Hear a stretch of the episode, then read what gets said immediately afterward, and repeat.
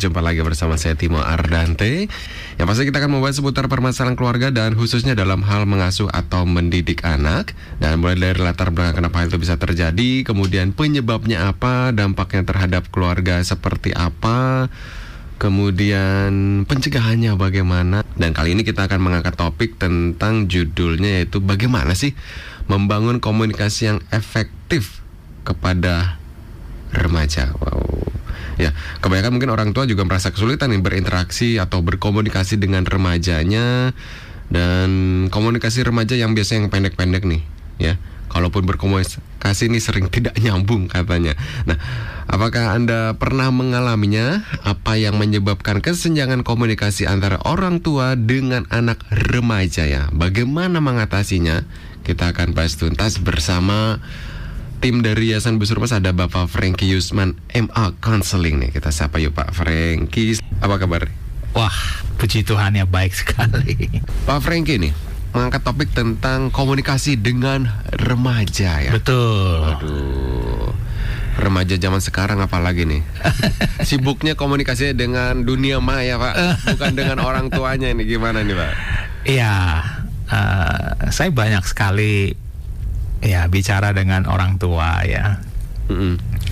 uh, kebanyakan mereka mengeluh, wah sulit loh komunikasi sama anak saya yang sudah usia remaja ya. Mm -hmm.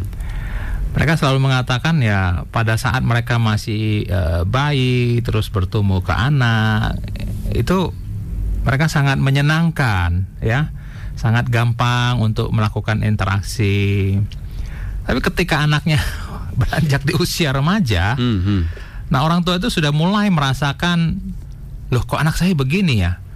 Wah ini sulit diatur, sulit diajak bicara, minta A, kok jadinya B, dan sebagainya dan sebagainya. Nah ini adalah satu kondisi yang hampir dihadapi oleh semua orang tua hmm. ketika anaknya masuk kepada tahap usia remaja hmm. ya. Jadi remaja itu kadang-kadang ngomong sama orang tua ya, iya mah, iya pak, iya aja. Ah, iya, oke, okay. hanya seperti oh. itu. Jadi hanya kata-kata iya, iya oke, okay. nggak nggak ya. ada anjutan apa-apa gitu. Padahal kalau mereka bicara sesama remaja, mm -hmm. ya ini katakanlah peer group mereka, orang-orang yang dalam usia seumuran mereka, seumuran hmm. dalam komunitas lingkungan mereka, mereka bisa bicara sampai ya lama ya nggak berhenti berhenti iya tapi topiknya macam-macam ketika ketemu dengan orang tua itu kok rasanya sepertinya ada satu pembatas ada satu penghalang ya mm -hmm. Bahkan kadang-kadang remaja itu cenderung menghindar loh kalau bicara sama orang tua. Hmm. Nah, terus karena kadang-kadang ah mama ini jadul deh. Papa ini kok nggak mengerti gitu hmm. ya. Nah, hal-hal seperti ini sering kali dijumpai di kalangan orang tua yang punya anak remaja. Hmm, hmm. Jadi ketika mereka berkomunikasi sering kali menghadapi berbagai kendala-kendala, kesulitan ya. Nah, oleh karena itulah pagi ini ya kita sama-sama belajar satu topik yang sangat up to date ya, yang sangat praktis. Bagaimana kita bisa membangun komunikasi yang efektif dengan anak-anak kita yang sudah beranjak usia remaja. remaja. Ya. Ketika berbicara tentang remaja, remaja itu usia berapa sih Pak sebenarnya sih? Ketika dikatakan ah nih anak remaja nih, ini anak-anak nih, ini udah orang dewasa nih. Iya, ya mungkin dalam fase-fase perkembangan anak kan ya kita tahu mulai dari anak itu lahir. Hmm Kemudian ada istilah uh, batita, ada istilah balita. Batita di bawah tiga tahun, balita di bawah lima tahun, berarti anak di bawah lima tahun. Nah, kemudian setelah itu kan anak memasuki era yang namanya usia anak ya, mulai dari enam tahun ya. Nah, kalau kita bicara remaja ya, remaja itu adalah satu masa perkembangan, jadi transisi antara masa anak-anak hmm. dan masa dewasa. Jadi itu mencakup ada perubahan-perubahan yang terjadi pada masa anak-anak transisi ke masa dewasa. Ya, itu antara lain perubahan biologis, perubahan kognitif, perubahan sosial, emosional. Hmm. Jadi masa remaja ini adalah masa transisi, masa perpindahan. Wah. Jadi satu proses dari anak menuju ke dewasa. Nah, di dalam proses transisi ini ini terjadi apa yang disebut dengan perubahan-perubahan baik itu secara fisik, Hmm. ya kan kalau kita sering lihat tubuh remaja itu berubah ya. Iya. yang perempuan mulai tumbuh payudaranya, suaranya juga sudah berbeda, ya. Kemudian kalau yang laki-laki, ya Betul. Jakun. jakun, badannya juga udah lebih tinggi, Hmm, ya. Iya lebih- kadang-kadang loh kok anaknya lebih tinggi nih suka ini anak papa sekarang udah lebih tinggi dari papa gitu Nah itu semua proses yang normal, perubahan fisik, dan juga ada perubahan kepribadian yang signifikan. hmm. ya yang tadinya mereka papa mama yang pilihin. Udah remaja. Wah nggak bisa begitu. Mereka maunya seperti ini. Stylenya sudah berbeda. Nah trans- di dalam masa transisi itu juga sering kali dialami apa yang disebut dengan masa yang penuh dengan gejolak dan pemberontakan. Wow nah ini sebagai orang tua. sebenarnya masa yang sangat krusial sekali ya betul ketika berbicara transisi ini bisa akhirnya nanti positif atau negatif Iya. Nah, ini situasi yang orang tua harus pahami, Bung Timo. Pada masa remaja ini anak-anak cenderung akan mengalami gejolak-gejolak emosional ya. Hmm. Kemudian mengalami apa yang disebut dengan pemberontakan. Jangan heran kalau anak itu sering kali kadang-kadang ya eh, melawan orang tuanya, nggak cocok sama orang tuanya ya. Hmm. Orang tuanya maunya A misalnya, Hmm. anaknya nggak mau saya maunya B misalnya. Nah ini adalah satu proses yang normal. Saya katakan ini proses yang normal yang harus dilalui oleh anak pada tahap usia remaja. Dan itu memang gejolak emosi yang terjadi di dalam tubuh mereka. Mereka sering kali menjadi orang yang ah saya maunya seperti ini Hmm, menurut hmm. versinya dia begitu ya. Padahal menurut versi orang tua nih sebenarnya salah ini tapi Nah. mereka merasa selalu benar. itu ya.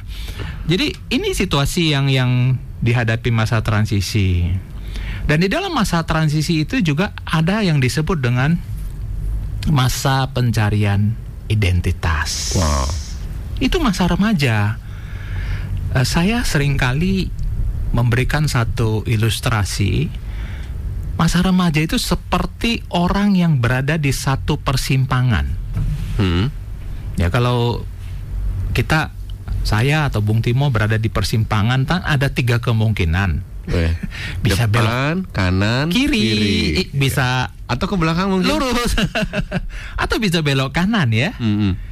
Nah, masa remaja remaja itu dia sedang proses jati diri untuk mencari identitas dirinya itu seperti apa. Hmm. Nah ini ditandai oleh apa? Nah tanda itu antara lain ketika orang masa remaja biasanya dia cenderung mencari apa yang disebut dengan idola Oh. ya. Iya. Nah saya cerita pengalaman saya eh, waktu saya sekolah SMP Hmm. saya suka Tahun berapa Main- itu, Pak? tahun berapa? Saya hitung dulu ya. 1600 eh, bukan ya? Nah saya suka main ke satu teman saya, Hmm. ya kami sama-sama satu kelas teman baik lah ya. Nah ketika saya masuk ke kamar tidur, Hmm. ya, nah saya lihat ruangan kamar tidur itu banyak gambar poster. Wow. Poster itu adalah poster penyanyi, penyanyi rock. nah rupanya teman saya ini punya idola. Mengidolakan. Nah, penyanyi rock tersebut Mhm. sehingga setiap ada poster tentang gambar dia sedang nyanyi, sedang acting, dia beli dia tempel di kamarnya penuh dengan gambar poster itu. Kenapa bisa begitu ya? Karena Nah. memang memang sudah Itu yang sedang mencari proses identitas dirinya. wow, salah satu ciri-cirinya Salah satu itu. cirinya seperti itu. Hmm. Nah, remaja masa kan masa transisi. Nanti saya selesai SMA, saya mau kuliah ke mana ya? Nah, Hmm. ini kan identitas diri kan. Eh, kecenderungan yang terjadi adalah pilihan kuliah itu nanti menentukan profesi, Mm-mm. ya kan? Menentukan apa yang akan dilakukan setelah selesai kuliah. Hmm. Nah, ini mencari identitas diri. Nah, itulah saya katakan mereka berada di satu persimpangan, ya. Eh, berdasarkan pengalaman hidup, keluarga, lingkungan, pembelajaran yang diterima oleh si remaja. Nah, remaja ini akan menentukan arah ke mana identitas dirinya yang ini terkait dengan pilihan hidupnya di masa depan. Jadi masa remaja penting. Oh, penting. Sangat penting. Orang tua harus memahami kondisi yang penting ini karena yang namanya masa transisi itu adalah masa-masa proses perubahan yang harus dilalui. Hmm. Dan kita tahu di dalam masa perubahan itu yang namanya gejolak, yang namanya friksi, yang namanya Gesekan. gesekan, yang biasa terjadi antara orang tua dan remaja itu adalah bagian yang mesti dilalui. Nah, ketika berbicara bagian yang mesti dilalui, terkadang orang tuanya sendiri nggak sabar, Mas, kan? Enggak sabar Kok ya. anak saya jadi begini? Perasaan dulu saya mendidiknya nggak begini kan gitu kan? ya Pak Franky. Iya, Timo. kita lanjut lagi nih. Tadi kita Iya. sudah membahas tentang tentang siapakah remaja. remaja. Nah, kalau misalkan sekarang nih remaja sendiri kan ada fase-fasenya kan, maksudnya umur-umurnya gitu ya. Iya, jadi kalau kita bicara tentang remaja, ya, memang ada fase-fasenya. Tadi saya sampaikan, jadi ketika anak itu lahir ada eh, batita, balita, kemudian usia 6 sampai 10 tahun itu dianggap sebagai masa anak. Hmm. Nah, usia 10 sampai 13 tahun kita kita masukkan kategori sebagai masa remaja awal. Ya. Oh. Jadi ini kira-kira ya pada saat eh, SMP ya. Ya 10 sampai 13 tahun Iya. SMP ya. Nah, masa remaja awal ini ditandai oleh apa yang disebut dengan eh, masa-masa pubertas. Oh. Nah, mungkin kalau yang wanita udah mulai eh, Menstruasi. menstruasi. Nah, yang laki-laki sudah mulai mengalami apa yang disebut dengan mimpi basah. Hmm. Jadi itu masa remaja awal. Kemudian usia 13 sampai 18 tahun. Ya. Jadi ini kira-kira eh, ya dari SMP ke SMA. Wah, ini yang bandel-bandel ini Pak. Nah, itu kita masukkan kategori masa usia remaja tengah. Hmm. Tadi awal, remaja awal, ini remaja tengah, ya. Nah, masa remaja tengah ini biasanya ini gejolak-gejolak yang sedang berada pada posisi topnya. Wah, puncak-puncaknya. Iya, biasa kalau anak ini ya bandel-bandelnya benar-benar keluar ya. Hmm. Biasa anak ini kalau memang eh, dia pemberontak, pemberontaknya akan muncul ya dan sebagainya. Nah, usia 18 sampai 22 tahun kita kategorikan sebagai masa remaja akhir. Hmm. Nah, jadi ini di dalam kategori usia mereka ini sedang transisi dari yang disebut dengan remaja masuk ke dewasa. Hmm, dewasa muda kan. itu, ya. Nah, jadi masa-masa perubahan remaja ini ya memang setiap sesi itu akan mengalami kondisi yang berbeda-beda Hmm, hmm, hmm. ya. Jadi itulah fase-fase yang dihadapi. Nah, kalau kita bicara generasi ya. Jadi setiap generasi itu memang punya tantangan-tantangan tersendiri Hmm. ya. Nah, kalau kita lihat generasi-generasi yang ada pada saat ini itu biasa dimulai dari orang tua kita yang disebut dengan generasi baby boomers. Mungkin pernah dengar istilah ini ya. Namanya aja baby boomers ya. Jadi pada yang lahir di bawah tahun 1960. Baby boomers. Iya, generasi baby boomers. Ini usianya di atas ya lebih kurang ya 60 tahun, nah 59 atau 60 tahun ke atas. Hmm. Jadi ini kategori orang tua kita ya. Berarti ketika itu lahir langsung banyak sekali bayi. Baby boomers namanya baby boomers jadi pada waktu itu kondisi negara kita kan baru pasca uh, Merdeka. merdeka, kemudian situasinya juga sudah mulai membangun ya. Hmm. Jadi banyak orang tua yang memproduksi anak. kan membangun, Pak.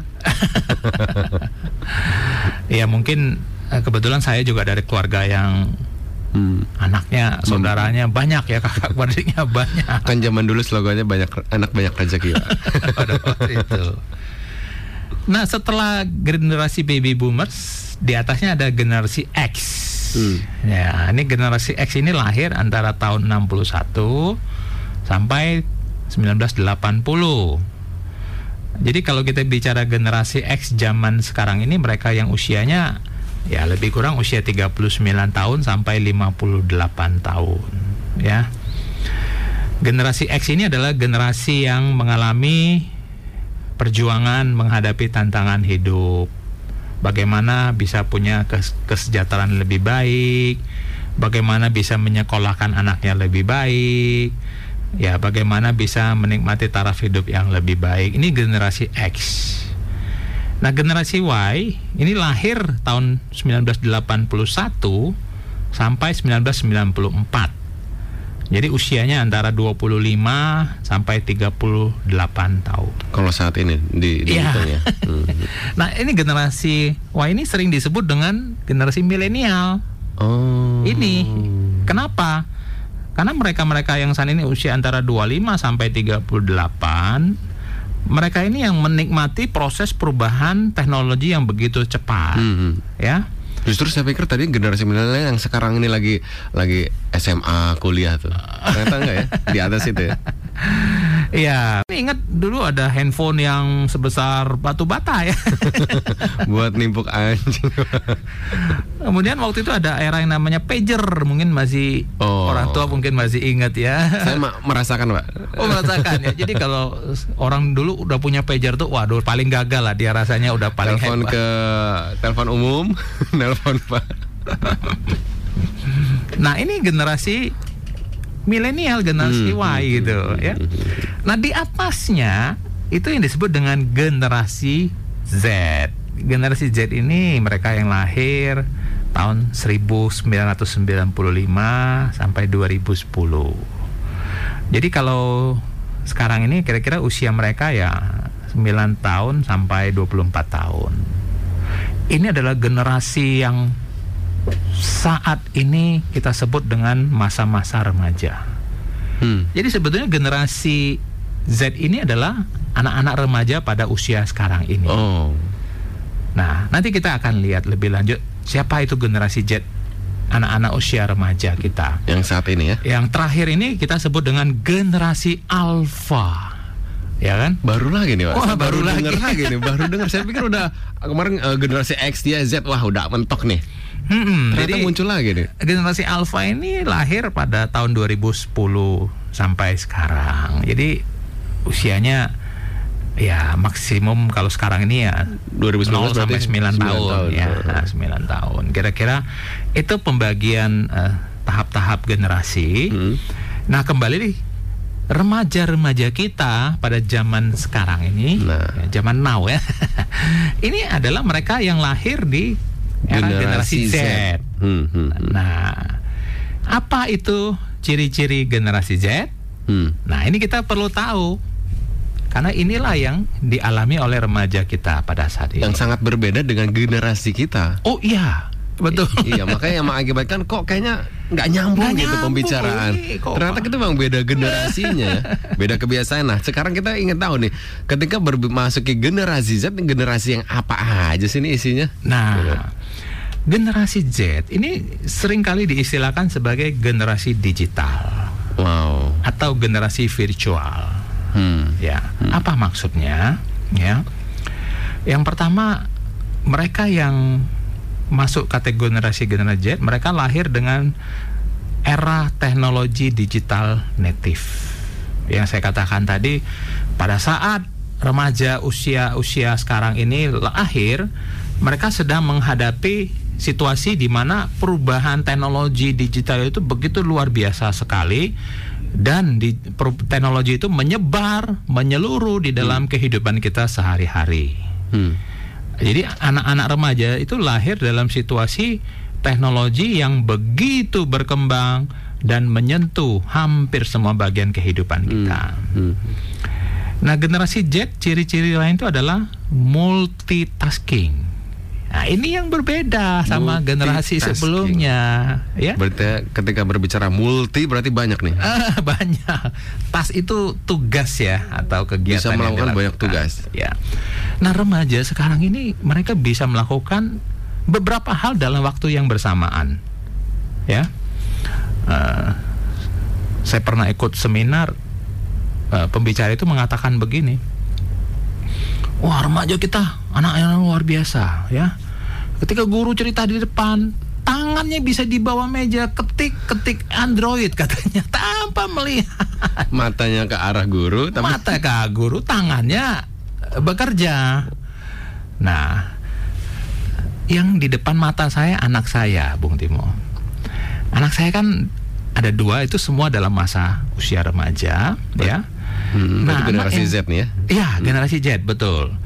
Nah, anak saya yang kedua ini kalau belajar, oh saya perhatikan, wah berbeda banget sama saya pada era saya belajar ya.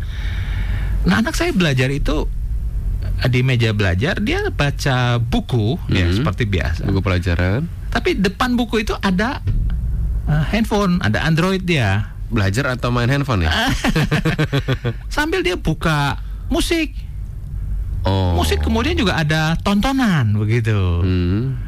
Nah, padahal saya ingat waktu saya dulu sekolah atau kuliah, waktu saya baca, saya belajar, ketika saya dengar musik, saya merasa sangat terganggu. terganggu. Uh, tolong-tolong matikan dulu uh, itu suaranya. Uh, uh. Tapi anak sekarang memang berbeda. Jadi ini yang orang tua harus pahami bahwa situasinya sudah berbeda. berbeda. Hmm. Nah, anak itu bisa melakukan multitasking hal yang bersamaan dalam waktu yang sama, beberapa hal mereka lakukan begitu. Nah, tidak sedikit kita lihat kadang-kadang anak sedang berjalan, ya. Dia bisa sambil nonton, bisa sambil lihat, bisa sambil ketik dan sebagainya dan sebagainya. Itu multitasking. Nah, ciri-ciri remaja sekarang yang generasi Z ini adalah ekspresif. Apa tuh ekspresif? Cenderung untuk narsis. itu karena bapaknya pak. Oh, ngajarin bapaknya nih upload di Facebook terus pak ataupun di Instagram. Ah, anaknya ikut ikutan deh. Wah ini contoh ya. Oh, contoh. jadi anak remaja itu sekarang cenderung ekspresif. Saya ingat uh, ya ini ada satu compare ya. Di era saya jadi remaja kita malu-malu. Iya. Di foto aja sampai nggak mau pak. Iya berbeda sekali ya iya uh, anak sekarang terbalik. Sedikit-sedikit selfie ya. Hmm, Kalau bisa paling depan malah. Oh, paling depan di antara yang lain. Sini pakai HP saja. Saya oh. saja yang selfie-nya gitu kan. paling depan kan mukanya. nah, anak remaja sekarang itu cenderung terbiasa untuk menampilkan diri. Cenderung untuk ingin supaya orang lain tahu apa yang ada di dalam dirinya. Hmm. Ya, terbiasa bicara tentang diri sendiri dan itu diekspos, dipublikasikan hmm. di media sosial. Hmm. Itu ciri-ciri generasi Z remaja pada saat ini. Hmm. Ya. Kenapa ya? Itu itu adalah bahasa pergaulan mereka. Ya, ini yang tidak bisa ditolak dan tidak bisa ditolak lagi kan? Tidak Ibaratnya, bisa kita hindari. Iya, tidak bisa kita hindari. Ya, karena uh, usia remaja di era zaman now ini mereka harus masuk di dalam komunitas yang tadi di awal Bung Timo katakan dunia maya. Hmm. ya. Nah sehingga uh, hal sederhana misalnya di Facebook ya. Kalau mereka sudah upload foto atau upload kata-kata atau curhat mereka tunggu temannya kasih like kasih tanda jempol. Nah, ketika yang diharapkan si A harus kasih komen atau kasih jempol tidak, ini adalah satu masalah bagi remaja. Nggak di like jadi masalah pak ya? Iya, ini yang kita hadapi sekarang jadi Beda zaman dulu nggak ada kepikiran itu. iya betul ya jadi Kalau kita sebagai yang generasi X generasi, kadang-kadang berpikir kok nggak di like sampai marah-marah ya? mm-mm, Memang zamannya sudah berbeda pak ya? berbeda. Hmm. Jadi remaja ini cenderung eh, ekspresif, Hmm. cenderung eh, menonjolkan dirinya, menampilkan dirinya, ya. Nah, ciri remaja generasi Z yang lain itu adalah banyak menghabiskan waktu untuk media sosial. Oh. Nah, ini adalah sebetulnya ada strong point juga tentu ada weakness point. Strong pointnya adalah orang tua juga harus bisa uh, mengerti dan masuk di dalam media sosial anak sehingga orang tua bisa mengerti bisa tahu. Hmm, hmm, hmm. Kadang-kadang begini, anak itu curhat bukan sama mamanya, bukan sama papanya. Apa yang dia lakukan? Dia tulis di Instagram, dia tulis di Facebook, ya. Hari ini saya sedang galau misalnya. Galau tingkat dewa. galau tingkat dewa. Gambar itikonnya itu wah yang orang sedang marah, Hmm. gambar merah itu. nah, remaja banyak menghabiskan waktunya di media sosial. Hmm. Ya, entah itu Facebook, entah itu Instagram, entah grup WA dan sebagainya dan sebagainya. Nah, ciri remaja generasi Z yang terakhirnya adalah mereka adalah orang-orang yang sangat instan dan cepat memperoleh informasi. Artinya begini, kita orang tua jangan malu tanya sama anak, Gimana? jangan gengsi Hmm. tanya sama Hmm. anak. Tentang informasi, segala macam informasi. Dalam banyak informasi, Hmm. mereka ini adalah orang-orang yang sangat cepat. Ya, kita tahu ini adalah era internet ya. Hmm. Jadi karena remaja banyak menghabiskan waktunya di depan gadget atau di Hmm, depan hmm. laptop sehingga mereka jauh lebih banyak dapat informasi. Mereka banyak tahu banyak hal ya. Hal-hal yang terjadi, informasi terkini itu adalah makanan remaja ya. Begitu ada kejadian, kadang-kadang anak saya lebih tahu dulu daripada saya. Pak terjadi ini pak di sini pak. Iya. Hah, masa sih? Oh, saya bilang saya nggak tahu. Mereka jauh lebih tahu. Hmm, hmm, hmm. Nah, dalam pengetahuan juga mereka begitu gampang searching akses Hmm, data hmm. informasi. Berarti generasi Z lebih pintar dong pak ya? Betul, Hmm. betul. Mereka orang-orang yang uh, smart secara knowledge ya. Hmm, hmm. Jadi uh, memang situasi dan kondisi remaja sekarang mereka sangat sekali gampang dapat pengetahuan informasi ya. Nah, itu beberapa ciri yang memang orang tua harus mengerti, harus tahu, harus paham. Nah, ini nanti terkait dengan bagaimana kita bisa membangun komunikasi dengan anak tersebut. Nah, ya setelah kita mengetahui nih tentang tadi fase-fasenya, kita juga ada pertanyaan yang penting yang tidak kalah penting nih Pak. Apa sih penyebab kesenjangan komunikasi antara orang tua dengan remaja nih? Ya Pak Franky, eh, sudah ada yang masuk nih di WhatsApp kita ini. Eh, selamat pagi. Saya Bu Hengki. Saya mau cerita nih, aku punya anak eh, cowok nanti April 24 tahun. Sudah bekerja dan tetapi pulang kerja dia hanya main game. Sampai-sampai kita tidak bisa ngobrol ke dia karena dia nggak mau diganggu waktunya kalau lagi main. Dan HP-nya itu nggak boleh mati sampai dia tidur game itu tetap berjalan. Wow. Berarti dia main ini kali ya COC Be- kemudian anak ini anak nggak mandiri dalam mengatur uangnya yang ada cerita utang dia di luar sana. Untungnya saya masih ada penghasilan sehingga kebutuhan kami tiap hari bisa aku handle. Apa yang harus saya lakukan untuk menolong anakku ini dan atas pencerahannya aku ucapkan banyak terima kasih dari Bu Hengki. Ya, ini adalah satu kondisi yang banyak dihadapi orang tua zaman now ya. Terima kasih Bu Hengki untuk uh, pertanyaannya. Uh, anak remaja sekarang memang banyak sekali waktunya dihabiskan di depan gadget, di depan layar monitor handphone atau Hmm. laptop mereka. Nah, kondisi ini memang sering kali menjadi satu masalah bagi orang tua. Karena ketika dia lihat handphone, diminta apa-apa, diajak ngomong, interaksi itu Iya. tidak akan menggoyahkan dia sehingga itu sering kali membuat orang tuanya kesel, marah dan sebagainya ya. Iya. Nah, bagaimana menghadapi kondisi seperti ini? Hmm. Nah, ini juga terkait tentu halnya dengan komunikasi dengan si remaja. Nah, yang pertama yang harus kita lakukan adalah ya, uh, kita harus ajak si remaja itu bicara. Saya pikir buang handphone ya, bukan ya? Jadi diajak bicara dulu. Diajak Justru bicara. Mau bicara aja susah, Pak.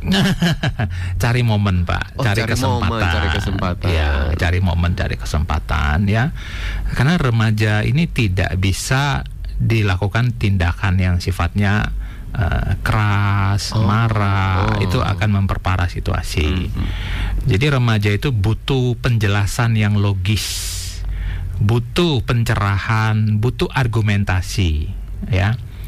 Jadi cari waktu yang tepat, cari momen yang tepat bicara. Satu, bahwa silakan boleh pakai handphone untuk eh, media sosial atau Hmm, game, hmm, hmm. tetapi ada batasan waktu. Mm-mm. Ya, ada ketentuan-ketentuan yang mesti disepakati. Pertama, PR, tugas utama sekolah, kewajiban-kewajiban les dan sebagainya. Ini udah udah 24 tahun, Pak, udah kerja katanya. Ini sudah dua- 24 tahun sudah bekerja. Hmm. Oke. Nah, berarti dalam hal ini kegiatan-kegiatan utama yang bersangkutan ini Hmm. yang harus beres. Misalnya di rumah dia ada tanggung jawab apa? Hmm. Ini harus dia selesaikan dulu, Hmm. ya.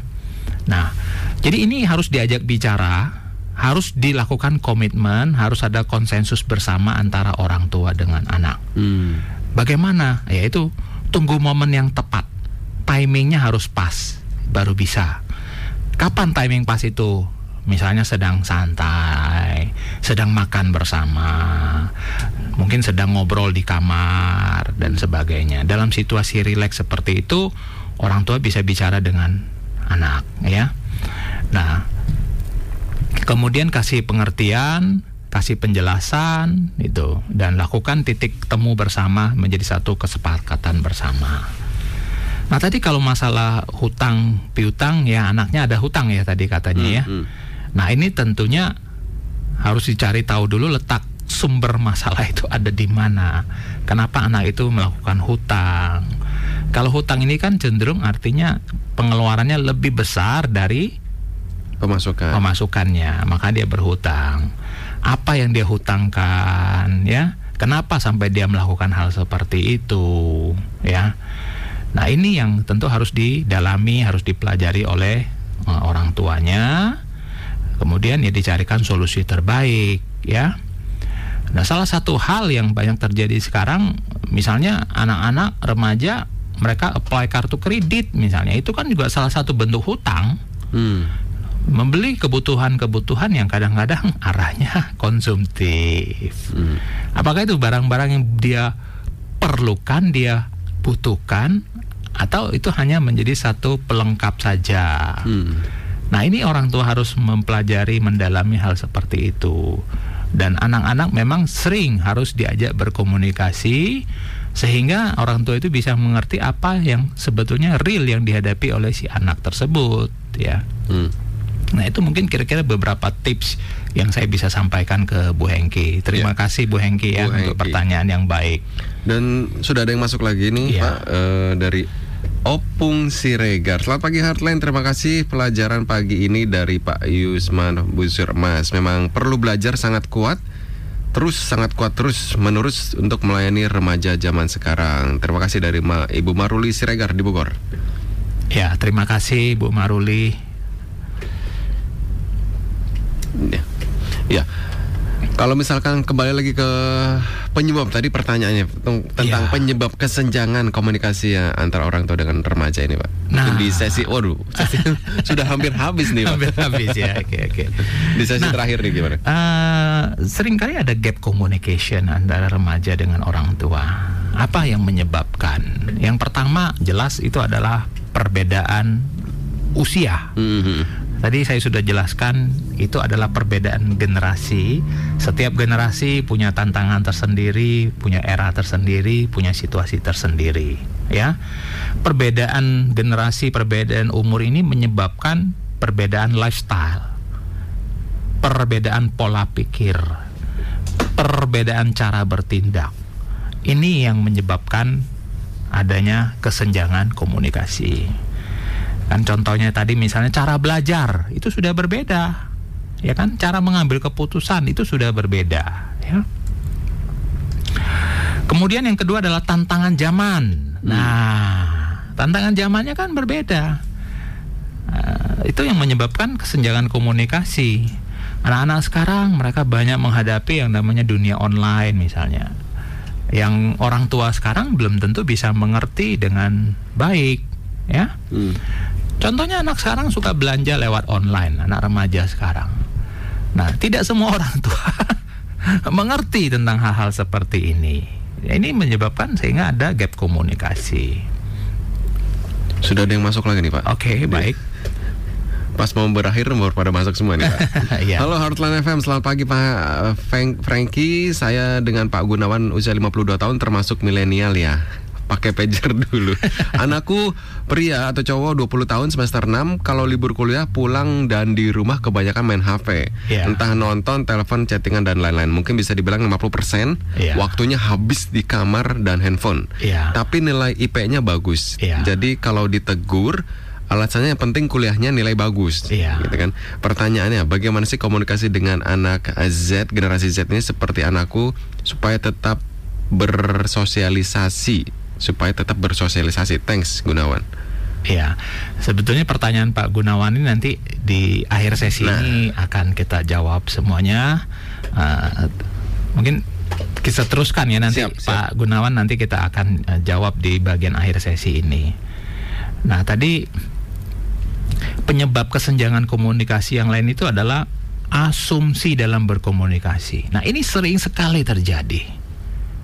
Anak-anak sering kali berasumsi terhadap orang tuanya. Nah orang tuanya juga berasumsi. Orang tuanya juga berasumsi. Jadi ya. sama-sama di pemikirannya masing-masing gitu Pak. Iya. Nah ini Bung Timo belum lama ini saya bicara dengan anak saya yang kedua karena dia kelas 3 SMA. Jadi kami saya dan istri dan anak yang kedua ini uh, ngobrol tentang bagaimana proses dia untuk melanjutkan uh, perkuliahan, pilihnya, tesnya, jalurnya dan sebagainya. Nah, ketika berbicara, kami sebagai orang tua kan eh, mendukung, memfasilitasi, menyampaikan ya. Nah, anak saya ini langsung berasumsi, papa, mama sering paksa saya. nah, keluar kata-kata itu. Hmm.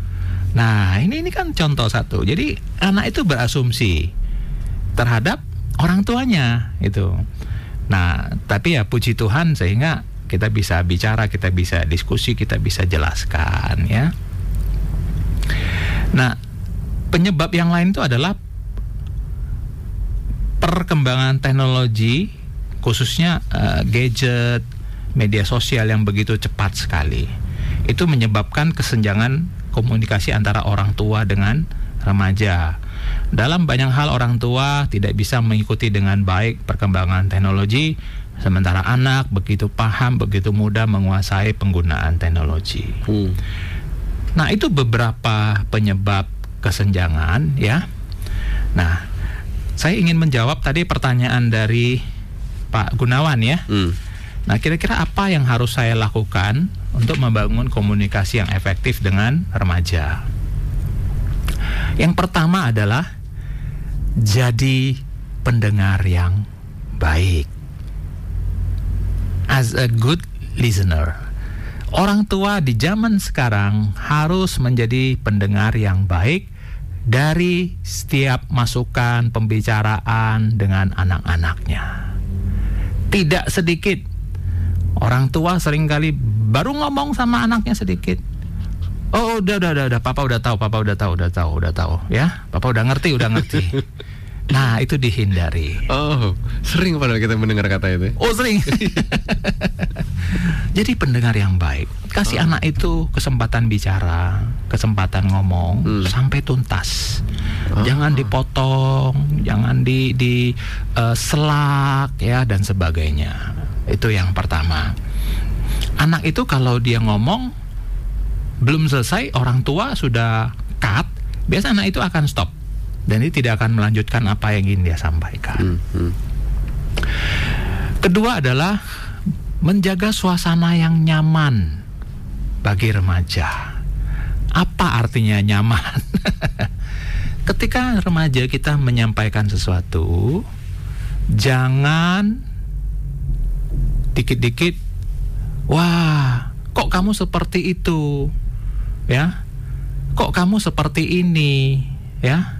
Jadi kalau merasa, wah, saya nggak nyaman loh ngomong sama mama saya, habis dikit-dikit saya baru ngomong mama saya sudah komentar begini.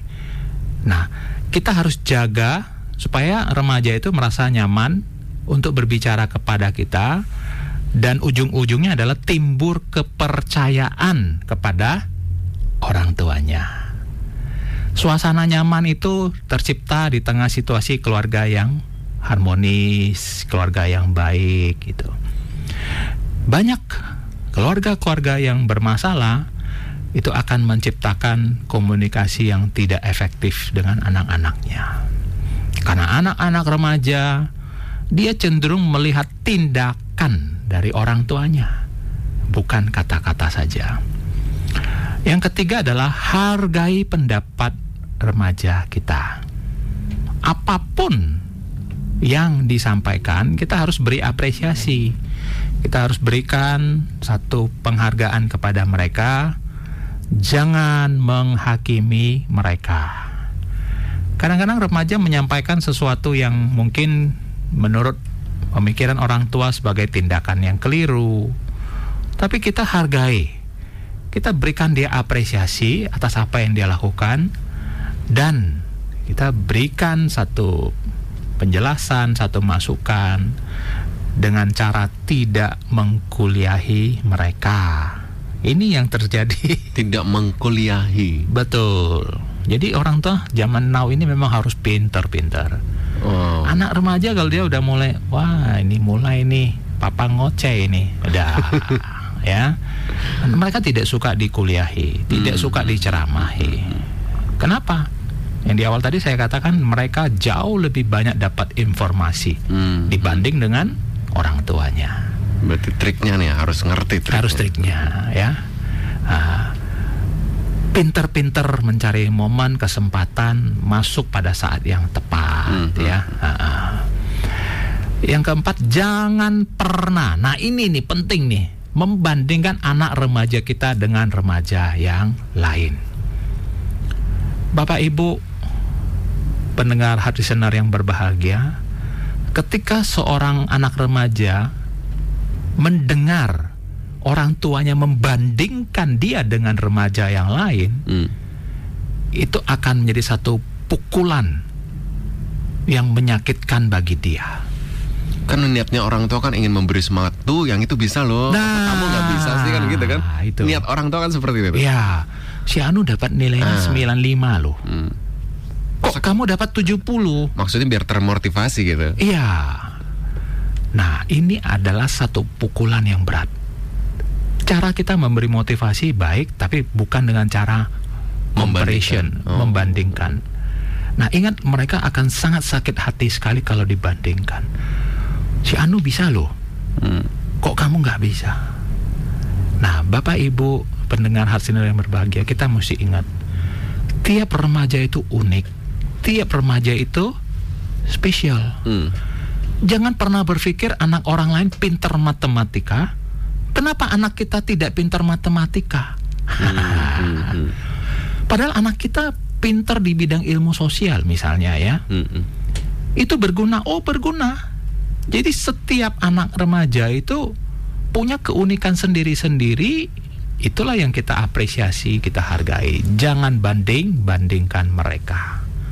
Ya. Nah, ini juga sering dilakukan orang tua. Jangan memaksa, jangan menggunakan kekerasan, jangan menyakiti remaja. Ya. Karena kalau orang tua memaksakan, orang tua menggunakan kekerasan, ini akan menimbulkan goresan, sakit hati yang sulit untuk dilupakan oleh remaja dan itu akan terbawa sampai mereka usia dewasa atau mereka berkeluarga. Jadi orang tua sekarang memang harus berhikmat. Harus betul-betul bisa mengerti situasi, mengerti kondisi remaja di tengah situasi yang mereka hadapi, ya. Yang keenam adalah orang tua zaman now ini harus melek teknologi. Harus tahu. Saya tidak mengatakan menguasai ya, mm-hmm. tapi minimal harus tahu. Oh, yang namanya Instagram itu adalah seperti ini, itu. Oh, yang namanya Facebook itu adalah seperti ini. Ya, namanya game, Mobile Legend itu oh seperti ini rupanya, ya. OC-OC itu seperti ini. Orang tua perlu mengerti saja dan tahu minimal ya. Sehingga itu menjadi satu alat media untuk berinteraksi dengan anak remajanya ya. Dan yang terakhir ya. Kita sebagai orang tua di zaman ini harus menjadikan remaja itu sebagai sahabat ya. Sebagai partner, sebagai teman ya. Nah, itu adalah cara yang paling efektif di mana remaja kalau dia merasakan orang tuanya itu sebagai sahabat, apa yang akan dia lakukan? Ya. Kalau susah masa sahabat, dia akan curhat. Curhat, akan terbuka. Terbuka. Iya kan? Dia akan bicara plong, bicara lebih bebas. Semuanya. Ya. Nah, jadi orang tua itu harus menurunkan posisinya ya mm-hmm. uh, tadinya dia sebagai orang tua jangan merasa saya lebih tinggi mm-hmm. saya uh, superior mm. karena memang zamannya berbeda gitu zaman berbeda jadi orang tua turun mencoba menyesuaikan dengan status anak kita jadi kalau dia sudah merasa ih hebat ya papa saya ini luar biasa loh dia ngerti loh main Mobile Legend Wah jadi saya sering main tuh bareng papa saya main Mobile Legend. Mana pada saat begini kan komunikasi kita, gampang kan? Baru kita input kita masukkan. Nah, nah ini ini sebagai satu masukan yang sangat baik sekali. Mungkin jawaban ke Pak Gunawan dan hmm. juga untuk semua hard listener ya. Pinter-pinterlah sebagai orang tua di zaman now ini untuk bisa melakukan komunikasi yang efektif dengan remaja Ya, jadi pendengar yang baik, menciptakan suasana yang nyaman, menghargai pendapat mereka, tidak membanding-bandingkan, tidak menggunakan kekerasan, mengerti teknologi dan menjadikan anak remaja kita sebagai sahabat. Baik, ya terima kasih Pak Franky. Namun waktunya telah habis nih tanpa terasa ya. Dan untuk pemenangnya nih, mungkin bisa saya umumkan Pak Franky ya. Iya. Untuk pemenang di bulan ini nih tadi yang sudah WhatsApp ke kita yang sudah bergabung ada ada beberapa tadi ada apa Opung Siregar, kemudian juga ada tadi Pak Gunawan ya dan juga ada ibu, ini ibu atau bapak nih, yang pasti yang tadi menanyakan tentang yang anaknya main game terus ya. E, mungkin untuk pemenangnya untuk mendapatkan satu buah buku dari Parenting with Heart, yaitu tadi di 0822 1390 sekian sekian sekian tadi yang menanyakan tentang putranya yang pulang, sudah bekerja tapi pulangnya main games terus itu. Dia akan mendapatkan selamat ya Ibu. Dan sekali lagi terima kasih Pak Franky. Terima kasih. Dan saatnya saya Timo Arne pamit keep on growing and never give up.